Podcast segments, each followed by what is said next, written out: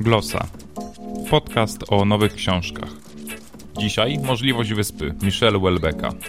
www.glosa.info Paweł Adam Piotrowicz, zapraszam.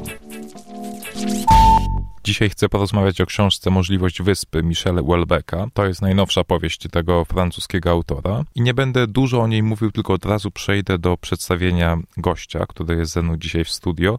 Andrzej Fister-Stoga, wykładowca Uniwersytetu Powszechnego. Andrzej, ty jesteś osobą, która poleciła mi książki Welbecka. Przeczytałeś wszystkie albo większość jego książek. Powiedz mi, dlaczego w ogóle warto czytać książki Michelle Welbecka?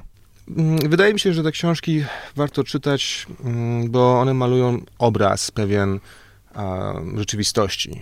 Może nie, nie, rzeczywistości każdej osoby, ale pokolenia pewnego. Mi się wydaje, że to jest, można to nazwać pokoleniem 68 tylko że chodzi tu o pokolenie nie 68 nasze polskie, tylko raczej to na zachodzie, we Francji szczególnie. No i jest to obraz, który jest moim zdaniem bardzo przekonujący, no i też jest, niesie pewne ostrzeżenia. No właśnie, ten obraz jest przekonywujący, no ale dla mnie jest też bardzo ostry, bardzo pornograficzny i czy ty nie masz wrażenia, że ta pornografia jest użyta tylko po to, żeby, nie wiem, przyciągnąć czytelników? wydaje mi się, że na pewno te elementy pornograficzne, on, on, on, był krytykowany wielokrotnie z tego powodu. Wydaje mi się, że jest to główny zabieg literacki, choć mówi, mówi to nam na pewno coś o tym pokoleniu.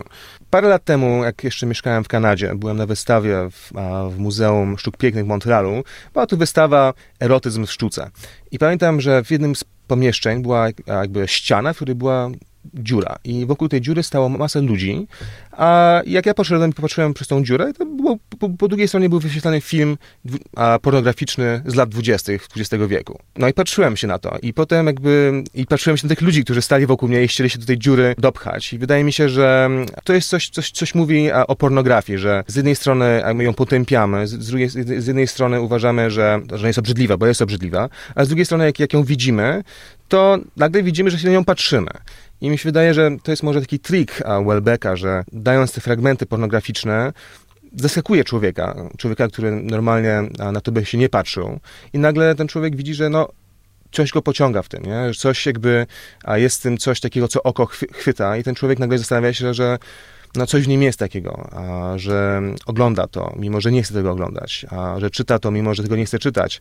Wydaje mi się, że to jest jakby trik Welbecka, żeby nawet, a żeby człowiek mógł zobaczyć, jak sam zareaguje. Czy przerzuci stronę, a, czy też będzie czytał wielokrotnie tę samą, samą scenę, a jest coś w nas takiego, no wydaje mi się, takich wojerów, chcemy podglądać ży życie innych ludzi, no i to jest no, pewien też jakby sygnał o, o, o, o naszych wrażliwościach.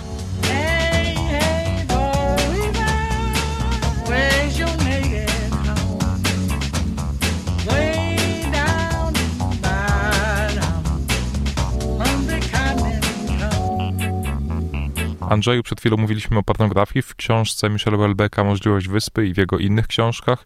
No i wiadomo, pornografia może się nie każdemu podobać.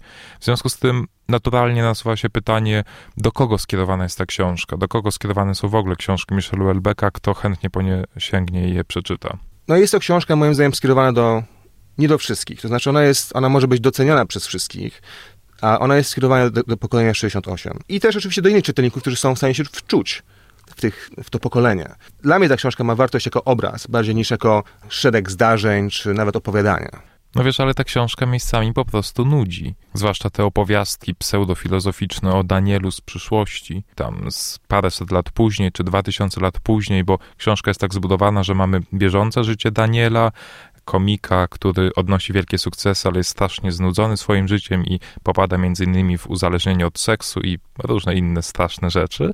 Natomiast mamy też taki wybieg do przyszłości, jak Daniel wygląda w kolejnych zmutowanych czy tam sklonowanych kopiach siebie samego za 2000 lat.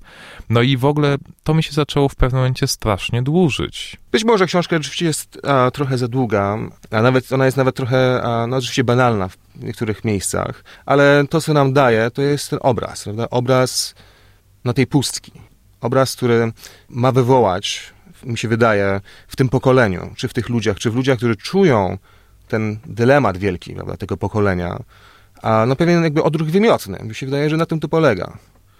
A, bo ci ludzie odrzucili język religii, odrzucili język a, prawdy, dla nich nie ma takiego czegoś jak pojęcie prawdy, odrzucili język wartości.